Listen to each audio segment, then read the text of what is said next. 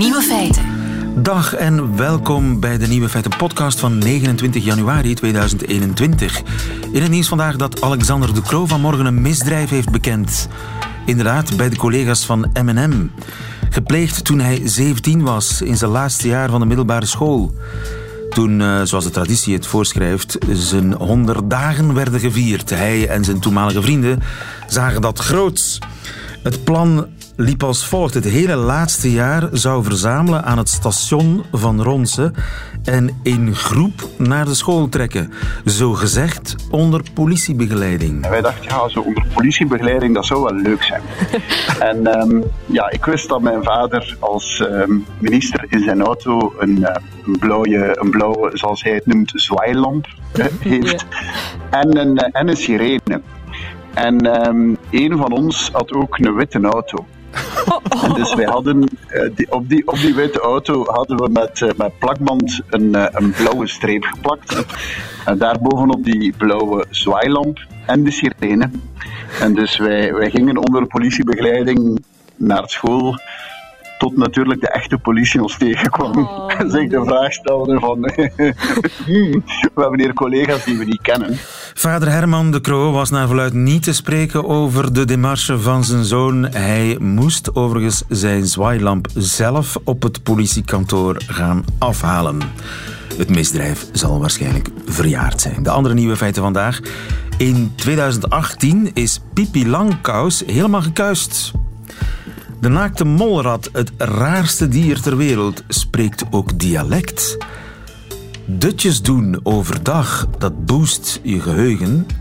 Sander van Horen valt de koppigheid van de Belgische politici op bij het openhouden van de scholen. En de nieuwe feiten van Nico Dijkshoorn, die hoort u in zijn middagjournaal. Veel plezier. Hi, Pippi Langkous, tot de riet, tot de rij, tot de hopsasa.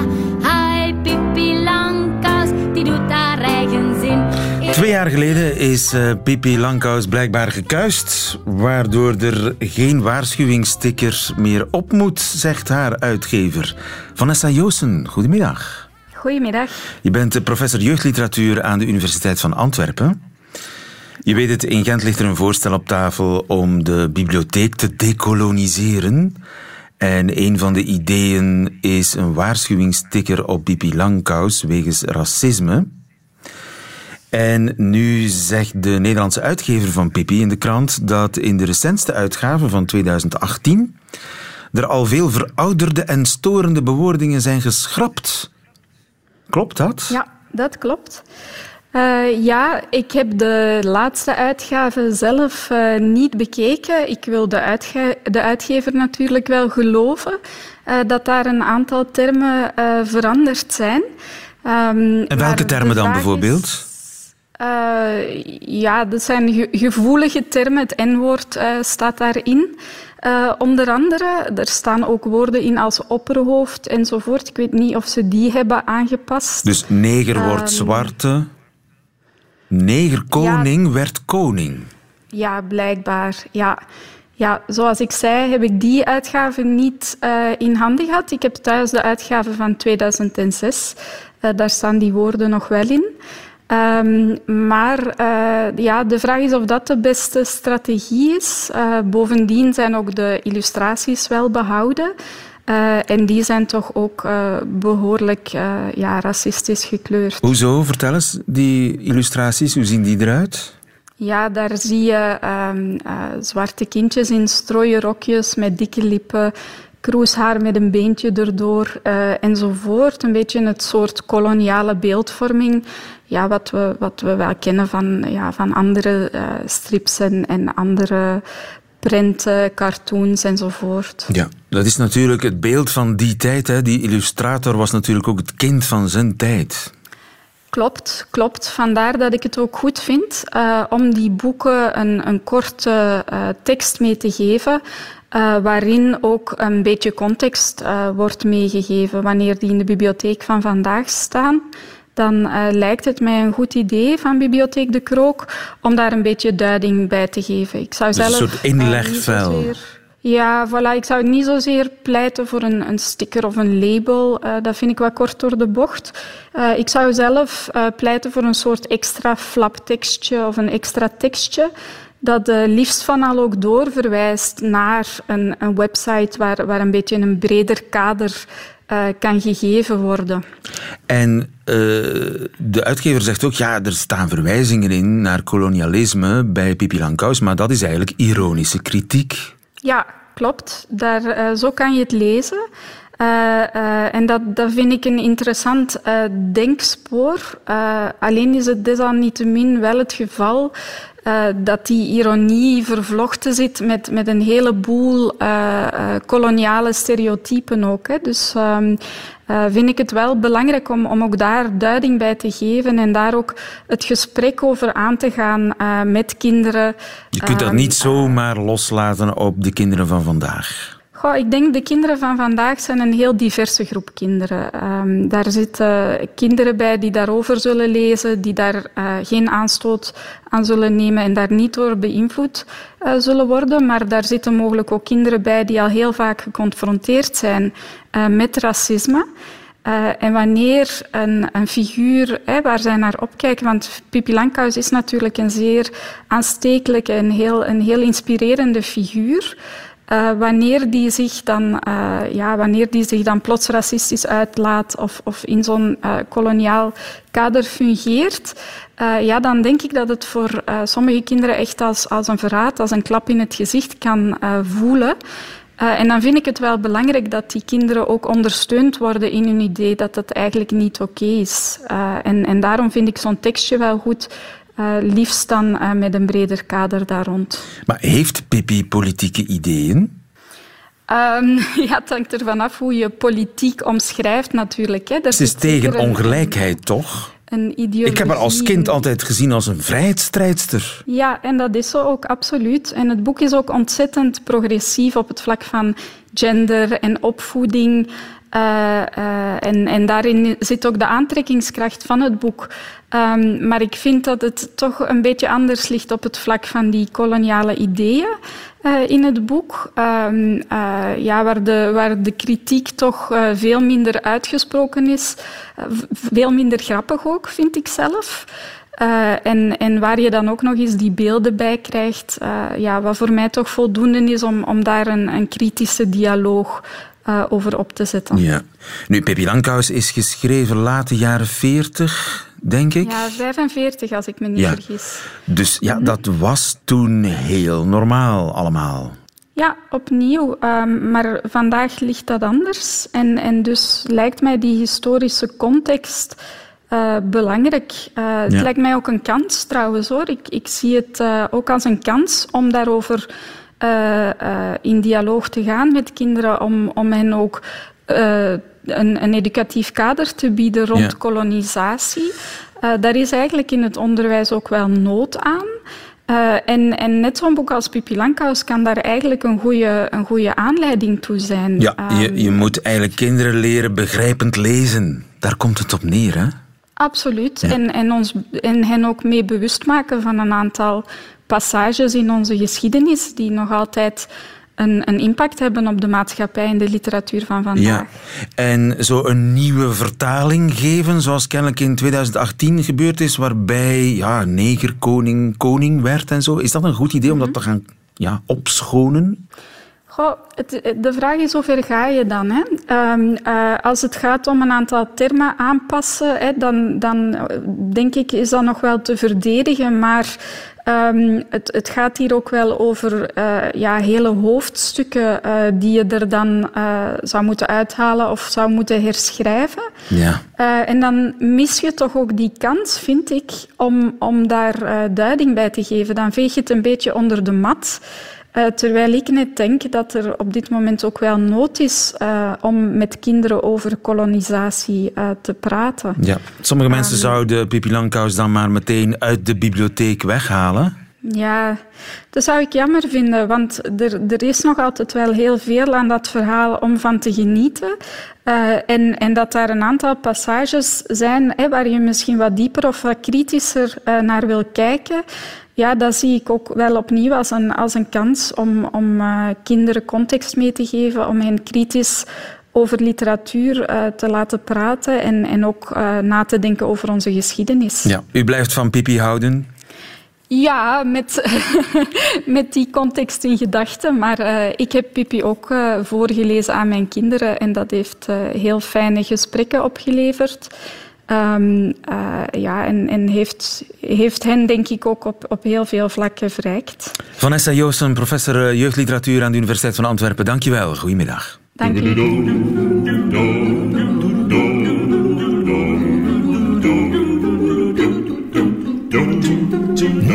feiten. Hij blijft verbazen. De naakte molrat, het raarste dier op aarde, blijkt nu ook nog eens dialect te spreken. Dirk Drouwlands, goedemiddag. Goedemiddag, Lieben. Bioloog des vaderlands. Een beauty is het niet, hè? Nee, het is uh, de klassieker in de lijstjes van lelijkste beesten ter wereld. Hoe zou je hem beschrijven? Tanden, ja, het is een uh, 10 centimeter lange naakte roze worst met van die rare lelijke haren op, met heel uh, lelijke tanden, blind ook. Dus uh, niet om aan te zien eigenlijk, naar onze normen. Ja, maar zo... waarschijnlijk vinden zij zichzelf wel aantrekkelijk, dus dat is... Ja, dat geldt ook voor ons, hè. Ja. Het, het, is een soort piemel op pootjes en het gedraagt zich ook heel bizar. Ja, het is de zoogdierenvariant of de knaagdierenvariant van de mieren en de bijen. Het zijn dieren die in kolonies leven met een koningin en steriele werksters en een paar mannetjes die als ze geluk hebben, eens kunnen paren.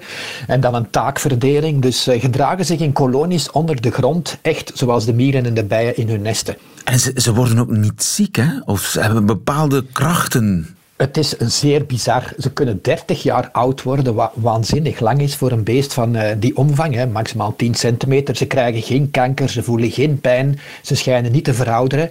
En dat zou te maken hebben met het feit dat hun DNA een heel, heel sterk herstelmechanisme uh, heeft, dat hun afweer heel sterk en heel specifiek is. Dus enfin, het hoeft niet te verbazen dat er intensief naar die diertjes gekeken wordt, omdat men hoopt daar van alles uit te leren ja, voor ons ze, eigen welzijn. Ze hebben dus ook een soort van koningin. Ja, er is dus één werkster, dus één vrouw eigenlijk, die, die het alleen recht op de voortplanting heeft en die zichzelf onderscheidt van de werksters door het feit dat ze dus, uh, uh, ja, dus in staat is om te paren en dus de jonge molrattekes te laten geboren worden, die dan verder verzorgd worden door de werksters. Niet te geloven. Maar nu is het nieuws dat zij dialect kunnen spreken. Ja, het is een, het is een beetje een, een bizar verhaal, omdat... Uh, Uh, enerzijds, die beesten zijn bijna doof, dus die horen niet zo heel goed. En waarschijnlijk heeft dat te maken, die leven dus onder de grond in smalle gangen. En, en dat die geluiden die ze maken in die gangen te sterk gaan echoen, zodat ze hun eigen gehoor zo goed als uitgeschakeld hebben. Dat is blijkbaar een actief proces in de loop van de evolutie geweest. Maar omdat ze sociaal leven, met, met een honderdtal samengemiddeld in zo'n kolonie, hebben ze ook een zeventiental verschillende roepen en roepjes. En men heeft nu nagegaan in onderzoek met zeven kolonies, in gevangenschap weliswaar, want dat is gemakkelijker te bestuderen, dat de, de, de meest algemene vocalisatie, en dat is zo'n contactroepje, een begroeting, dat is zo'n zachte chirp, ja. Een klein, een klein ja, De hooi-versie van de naakte molrat. Voilà, dat dat kolonie-specifiek is. Dus elke kolonie heeft zijn eigen dialectje. En als je bijvoorbeeld uh, adoptiekindjes doet, hè, dus kleine molratjes uit de ene kolonie in de andere gaan plaatst, gaan die heel snel de lokale taal uh, aanleren. En blijkbaar baseren ze zich daarvoor op wat dat de koningin zegt. Dus de, de jonkies uh, luisteren naar de queen en adopteren eigenlijk haar taalgebruik. Wat dan geluk is dat wij dat niet moeten doen, hè, want als we allemaal gaan spreken zoals koning Filip, zou dat toch een beetje raar uh, ja. uh, effect geven. Maar bij de molrat werkt dat perfect. Zoals de, de koningin piept, zo piept de hele kolonie eigenlijk. Is dat ja. ergens goed voor? Heeft dat een functie? Dat heeft een functie, omdat men nog niet zo geweldig lang weet dat die molratten effectief wel hun kolonie kunnen verlaten. Er werd is lang gedacht geweest dat die niks anders deden dan onder de grond in die tunnels van drie tot vijf kilometer lang. Dat is echt zo'n heel gangenstelsel. Je kunt dat trouwens mooi zien in, in Paradise, de zo en Henegouwen, hebben ze zo'n kolonie achter glas zitten. Dus je kan daar goed zien hoe dat die beestjes functioneren. Oh, dat is maar een goede tip. Dat ga ik echt eens doen. Ja, dat is mooi, hè? dat is echt mooi gedaan. Maar blijkbaar gaat die af en toe toch wel eens naar buiten. Soms probeert een werkster te ontsnappen om dan ergens anders zelf koningin te kunnen worden. Maar soms blijkbaar worden er ook raids gedaan op kolonies in de buurt, waar dat ze dan werksters gaan pikken, jonge werksters gaan pikken, die ze dan meenemen in hun eigen kolonie om daar dan hè, dus het vuile werk te moeten opknappen. Kidnapping, en in die context kan het, En in die context kan het nuttig zijn natuurlijk dat je, dat je weet dat iemand eigenlijk uh, een, een vreemdeling is, bij wijze van spreken, dat je die kunt onderscheiden van iemand van je eigen kolonie. En die piept anders, dus die hoort er eigenlijk niet bij of nog niet bij. We kunnen die kidnappen. Ja, voilà. of als je onderweg iemand anders tegenkomt, dat, dat, dat, je dus direct weet, ah, dat is een van de eigen kolonie, daar moeten we ons geen zorgen over maken, daar moeten we ons niet druk over maken. Dus dat het toch een manier is om ja, de eigen groep eigenlijk te kunnen onderscheiden van, van, van, van uh, anderen. Ja, in het wild, waar leven zij? Oost-Afrika. Het zijn echt het zijn dieren die, die in droge gebieden in Ethiopië en, en Somalië en, en Kenia en zo leven. Dus het is, het is, het is niet... Je ziet ze bijna nooit, omdat ze al bijna uitsluitend onder de grond zitten. En als je ze ziet, is het in laboratoriumomstandigheden, omdat ze zo nuttig zijn voor de wetenschap. Maar ze zijn, ze zijn niet bedreigd of niet met uitsterven uh, uh, bedreigd. Dus uh, ze, ze doen het redelijk goed, blijkbaar. Maar ze zijn dus te zien in Paradise. Nog één vraagje. Je had, er, je had het voortdurend over werksters en de koningin, alsof er bijna geen mannen zijn onder de naakte molratten. Ja, er zijn er, maar ze spelen een, een heel mineure rol, zoals bij de bijen ook. Hè. De darren van de bijen, het enige wat die doen is aanwezig zijn en hopen dat ze er op tijd bij zijn als er mag gepaard worden. Met die ene koningin dan? met die ene koningin, ja, iets vergelijkbaars is het geval in, eh, in, eh, in, in de naakte molrat. Blijkbaar heeft die koningin zo één tot drie voorkeursmannen waar dat ze dan alles mee doet wat er te doen valt. En al de rest is kwantiteit negligiabel, een heel verhaal. En wie bepaalt er nu eigenlijk wie er koningin wordt? Ja, dat is, een, dat is een moeilijke. Het is eigenlijk de koningin die actief via hormonale invloeden haar eigen uh, dochters dus eigenlijk steriel maakt. En blijkbaar is er zelfs een systeem waarin dat men probeert te vermijden dat er de werkster ontsnapt. Want als die dan buiten die hormonale invloed komt, zou die dan wel eventueel hè, dus koningin kunnen worden en in het allerslechtste geval misschien de eigen moeder aanvallen, bij wijze van spreken. Dat blijkt niet zo heel dikwijls te gebeuren, maar het is toch iets dat uh, een koningin verzet zich toch actief tegen het, uh, het vruchtbaar worden van haar eigen onderdanen. Dus ja. ze probeert toch de monopoliepositie op de voorplanting te bewaren. Catfights onder de grond bij de naakte molrat. Ik wil het allemaal eens meemaken. Ik ga eens naar Paradise, denk ik. Maar ze spreken dus hun eigen dialect. Dirk Drouwlands, dank je wel. Goedemiddag. Goedemiddag, lieve. Nieuwe feiten. Radio 1. Durft u uh, tijdens het thuiswerken wel eens in te dutten tussen twee Zoom-meetings door? Wel, dan moet ik u feliciteren. Want dan bent u eigenlijk goed bezig. Goedemiddag, Inge de Klerk. Goedemiddag. u bent uh, neuroloog en slaapexpert, verbonden aan het UZ Antwerpen en ook auteur van een boek over slapen, De kracht van slapen. Mm -hmm. Nu zou een nieuw Chinees onderzoek aantonen dat dutjes van amper vijf minuten goed voor u zijn. Ja, er zijn heel veel onderzoeken over dutjes die aantoont dat een dutje van zelfs al zes minuten uh, bij jongere mensen dan ook uh, wel degelijk een nut kan hebben voor het geheugen te verbeteren. En wat doet zo'n dutje dan allemaal? Wel, slapen, dat weten we, zeker nachtslapen, zorgt ervoor dat bepaalde dingen in het geheugen worden opgeslagen, maar ook dat je het gemakkelijker uit je geheugen kan terughalen. Um, en daar, daar, daar zou eigenlijk inderdaad het nut van een dutje zijn, dus dat je dus eigenlijk een deel, ja, laten we zeggen dat je de, de slaap weghaalt uit je neuronen, zodanig dat die een beetje beter functioneren.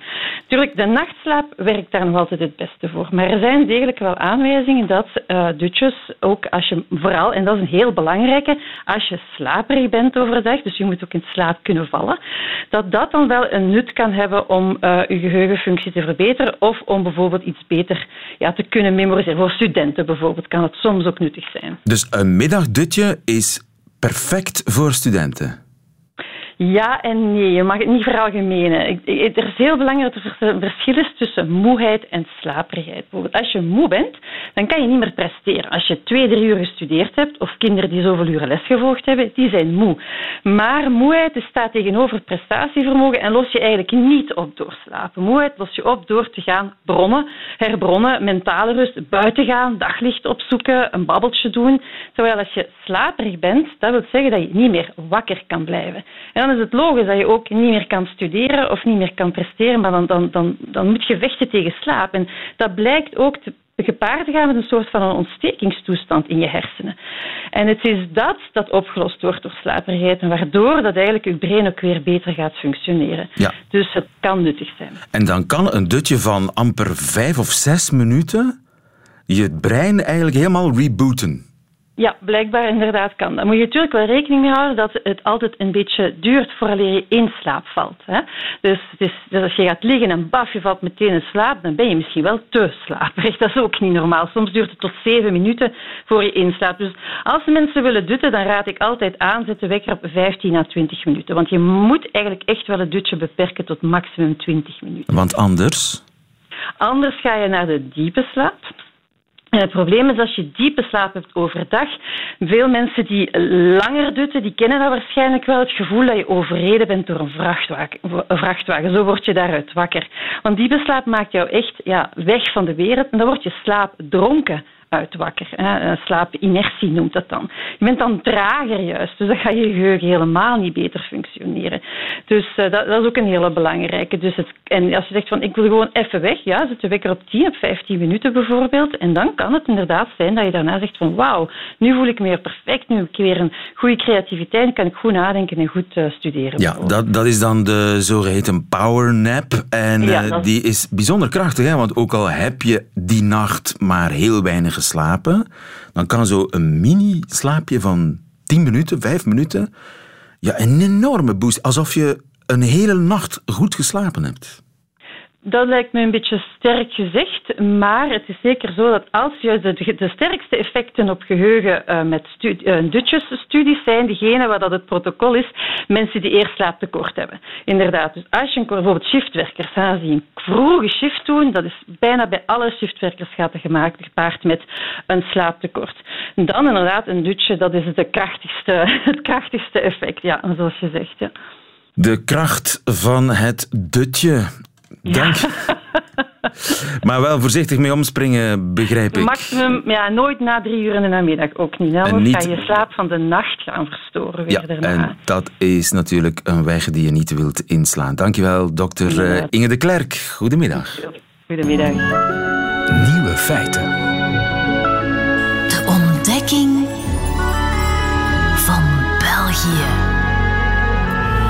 De ontdekking van uh, België door de NOS-correspondent uh, Brussel. Uh, van, ja, van de NOS natuurlijk. Hè? Niet alleen maar van Brussel, maar ook van Europa. Want jij zit driftig te, te kijken op je... je er is nieuws Ja, op mijn telefoon. Ik zit te kijken naar een contract. Namelijk het beruchte contract tussen de Europese Unie en AstraZeneca. Dat is zojuist openbaar gemaakt. Nou, daar zitten zoals ik nu laat zien op de telefoon die ik op omhoog hou, ook zwart gestreepte dingen bij. Dat lijkt vooralsnog uh, vooral over de prijs te gaan die betaald is. Nou ja, oké, okay, daar kun je iets bij voorstellen. Maar eerst de scan, ik bedoel, uh, het is een contract van 41 pagina's, leert dat er inderdaad wat AstraZeneca claimt. Dat klopt. Er staat wel op heel veel plekken de uh, best reasonable effort. Dus, hè, de, dat ze binnen... niet echt verplicht zijn om Precies, die, maar je moet alles doen wat binnen het redelijke ligt om ervoor te zorgen dat die vaccins er zijn. Precies. Ja. Maar wat de Europese Unie altijd heeft gezegd, namelijk um, als er een toeleverancier of een fabriek in België, in Wallonië kapot gaat of defect is. Dat betekent niet dat wij dan automatisch minder vaccins krijgen, want jullie hebben meer fabrieken, was altijd het argument, waaronder twee in het Verenigd Koninkrijk. Nou, daarvan staat er inderdaad wel redelijk duidelijk, vind ik tot nu toe, dat ook die twee in het Verenigd Koninkrijk volgens dit contract geacht worden te leveren voor de vaccins die hier gebruikt worden. Dus ja, dat is iets wat nu naar de juristen gaat. Maar dat het openbaar is, dat betekent in elk geval dat als wij dat met z'n allen gelezen hebben, en Rob Erbout natuurlijk ook, die kan dan vanavond hopelijk wat duidelijker zeggen wie er nou gelijk heeft in dit conflict. Maar dat, lieven, geheel terzijde. Ja, conflict tussen AstraZeneca en de Europese Unie. Ja over de levering van uh, vaccins en wat er moet gebeuren als die levering niet volgens de afgesproken tijd er is, of, ja. of dan er juridische wapens zijn om Precies, die ja. af te dwingen. En dat zal dus morgen de voorpagina's beheersen, uh, ook in Nederland. Daar waar dat de afgelopen week natuurlijk uh, vooral de rellen waren in Nederland. Nou, Ach, jullie hebben ja. het hier ook over gehad. En ik heb het de hele week met vrienden en bekenden in Nederland over weinig anders, behalve dan dat iedereen ook tegelijkertijd bezig is met iets wat wij eigenlijk al heel lang niet meer doen. Dat is namelijk thuisonderwijs. Die scholen die zijn in Nederland dus gesloten. Dus, dus iedereen zit daar nu weer met kinderen thuis en probeert dat alle ballen in de lucht te houden. En ik prijs mezelf als Nederbel gelukkig dat die dingen hier open zijn. En dat Ben Weits, maar ook zijn collega in Frans- en Duitsstalige gemeenschappen... dus die die poot eh, redelijk stijf hebben gehouden. En dus die belofte van we gaan er alles aan doen. Dat was uh, van, van de zomer al volgens mij die belofte. En zeker bij het aantreden van de nieuwe regering. We gaan er alles aan doen om ervoor te zorgen dat die scholen niet weer gesloten worden. En dat is toch wel merkwaardig dat de Belgen daar zo aan vasthouden. Ja, merkwaardig. Ik weet niet of het merkwaardig is dat de Belgen... Maar ja, ja merkwaardig moment... als je kijkt naar de buurlanden. Nederland, ja. Duitsland, Frankrijk. Er zijn de scholen dicht. En ook hier de afgelopen week elke dag wel uh, op de voorpagina van de kranten de discussie daarover. De angst natuurlijk. Hè, uh, het kan de kiem zijn van de derde golf natuurlijk. Hè? Het kan de kiem zijn van de derde golf, is de gedachte. Uh, sowieso natuurlijk op het moment dat jij iets anders doet dan al je buurlanden... ga je toch ook naar jezelf kijken van doen we dat wel slim? Maar ik denk als ik een beetje naar mijn twee kinderen kijk, dat het in elk geval vanuit hun oogpunt heel slim is wat er nu gebeurt bedoel, je ziet in Nederland zie je toch ook echt de problemen alweer ontstaan. En dus niet de zielige ouders die uh, al die ballen maar in de lucht moeten houden. Maar ook de kinderen die gewoon hun uh, dingen missen. En ik vind dan ook wel dat op het moment dat die druk, die politieke druk uh, groot wordt. En die is af en toe groot op de Ben Weidsen van België om het besluit te nemen om de scholen dan maar te sluiten. Druk is in sommige kranten, bij sommige opiniemakers. Nou, die hadden volgens mij de scholen in september al toe willen houden. Um, maar dat, dat, dat getuigt wel van een politieke keuze. Want ja, empirisch materiaal, empirisch bewijs heb je niet. Hè? Ik bedoel, er was begin van deze week is Cienzano nog gaan kijken van... oké, er zijn inderdaad lijken meer besmettingen op scholen te zijn. Is dat inderdaad wel zo? Of wordt er gewoon meer over bericht? En is dat dan door die Britse variant? En is dat dan dat die kinderen dat aan elkaar doorgeven? Of zijn er meer besmettingen in de samenleving die dan dus ook via die kinderen op de scholen terecht kunnen? Dus het is een beetje een gok van de Belgische politiek? Ja, een gok. Maar weet je, het lastige is... Um, ik denk dat als je heel eerlijk bent... is bijna alles wat er nu besloten wordt een gok. En dat heeft ermee te maken dat... Uh, er is vaak onvoldoende bewijs. Of er is geen. Hè, bedoel, we hebben het met die avondklok in Nederland. zien we nu een heel debat. Waarbij er in Frankrijk dan een, een, een, een, een samenhang is tussen de stijging in bepaalde departementen. waar ze juist de avondklok hadden vervroegd. Hè, zes uur s'avonds al. Juist, ja. nou, juist in die departementen. Werkt niet.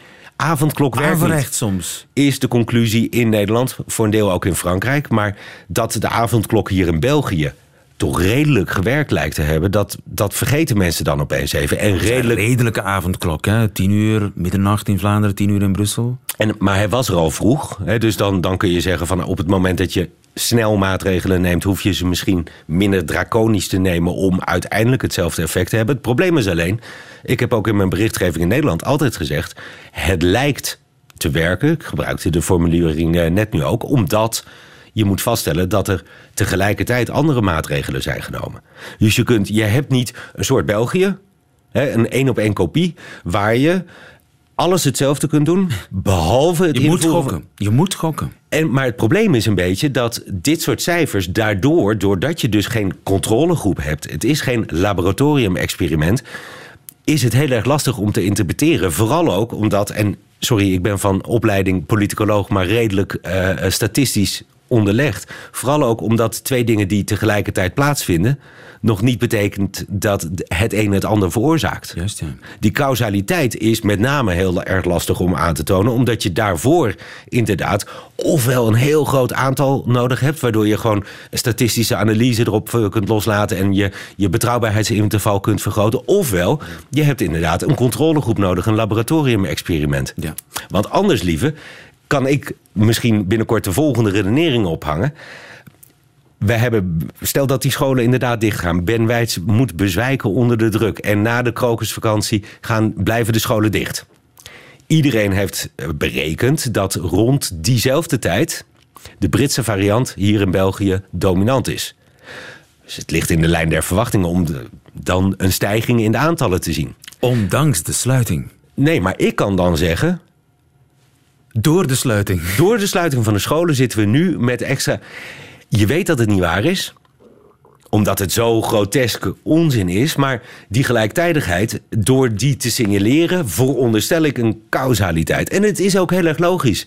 Ik bedoel, het menselijk brein wellicht, en waarom zou het Belgisch brein anders zijn dan andere breinen, is. is gemaakt om samenhang te zien. En niet alleen dingen die tegelijkertijd gebeuren, maar het een heeft altijd met het ander te maken. Ik rek dit gesprek omdat ik bang ben voor het examen Vlaams. Daar zit een oorzakelijke relatie tussen. Volgens mij wel. En daar gaat het zo vaak mis. En als politicus heb je het daar maar mee te stellen. Kudos deze week voor de minister van Onderwijs, Ben Weits. Ja, dus eh, we zitten allemaal in de duisternis. We tasten in het duister. We gokken. We hebben gokkende politici. Maar... En gokkende examinanten ja, Vlaams. laten we hopen Kom dat, er ze- maar mee door, dat ze lieve. goed gokken. Over gokken gesproken. Juist.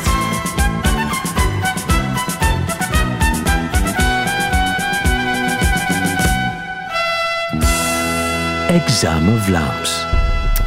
Wat is een pietjesbak? Pietjesbak. Context? Eh, Moet je daarvoor spieken? Spel? Café? Oh, ja, nee, ik ben hem wel eens tegengekomen. Ik, ga daar, ik ben heel eerlijk, ik ga daar niet op komen.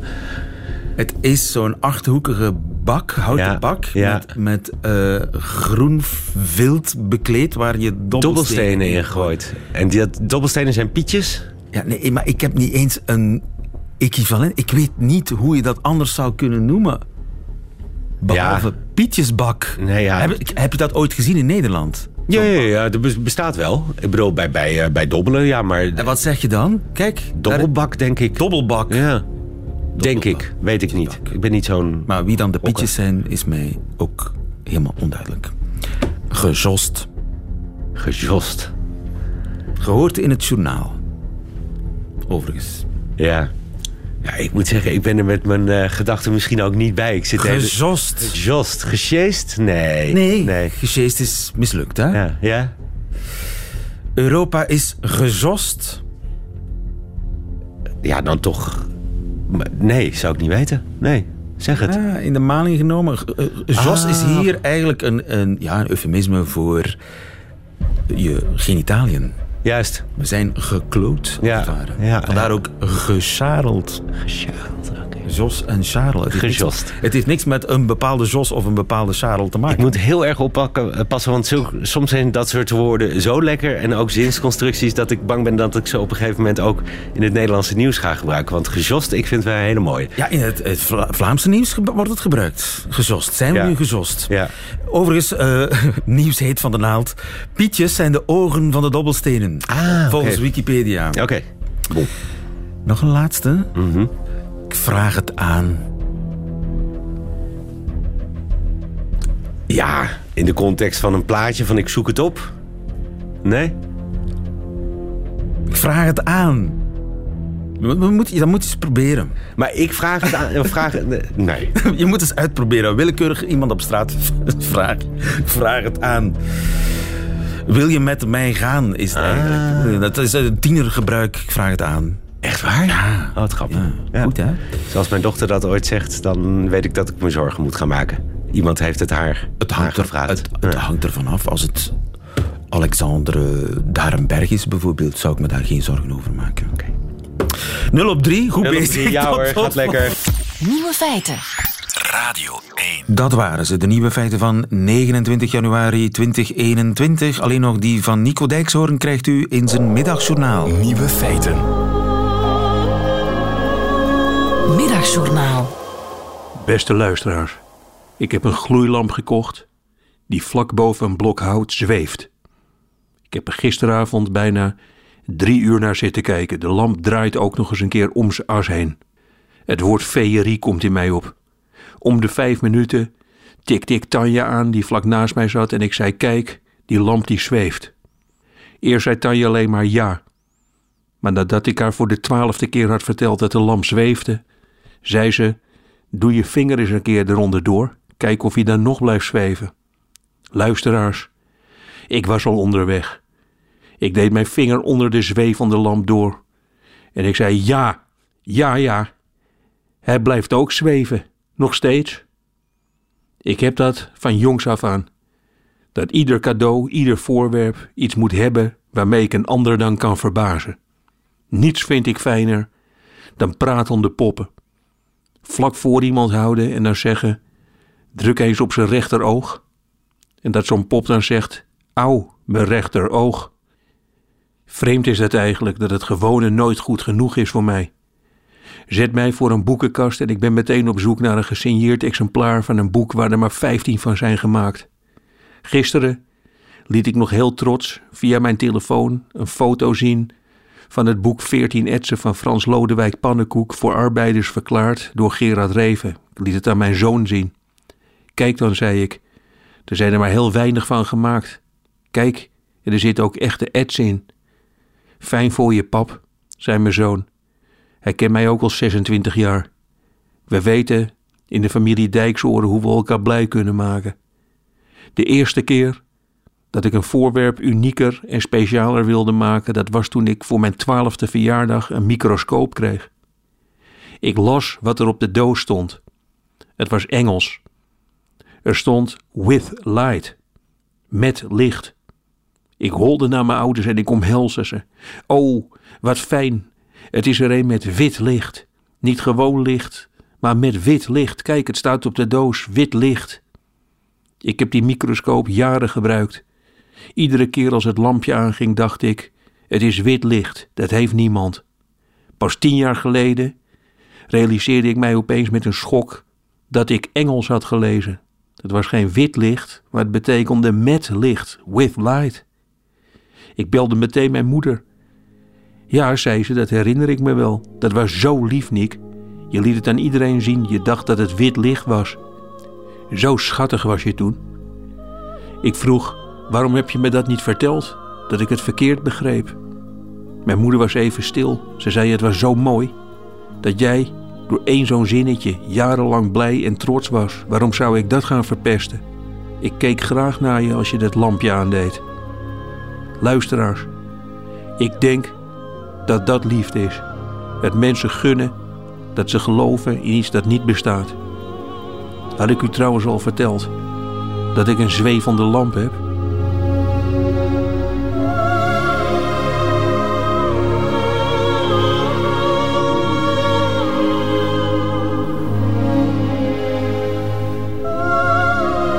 Het middagjournaal met Nico Dijkshoorn. Einde van deze podcast. Hoort u liever de volledige uitzending van Nieuwe Feiten? Dat kan natuurlijk ook via radio1.be of via de Radio 1 app, waar u overigens nog veel meer fijne podcasts vindt.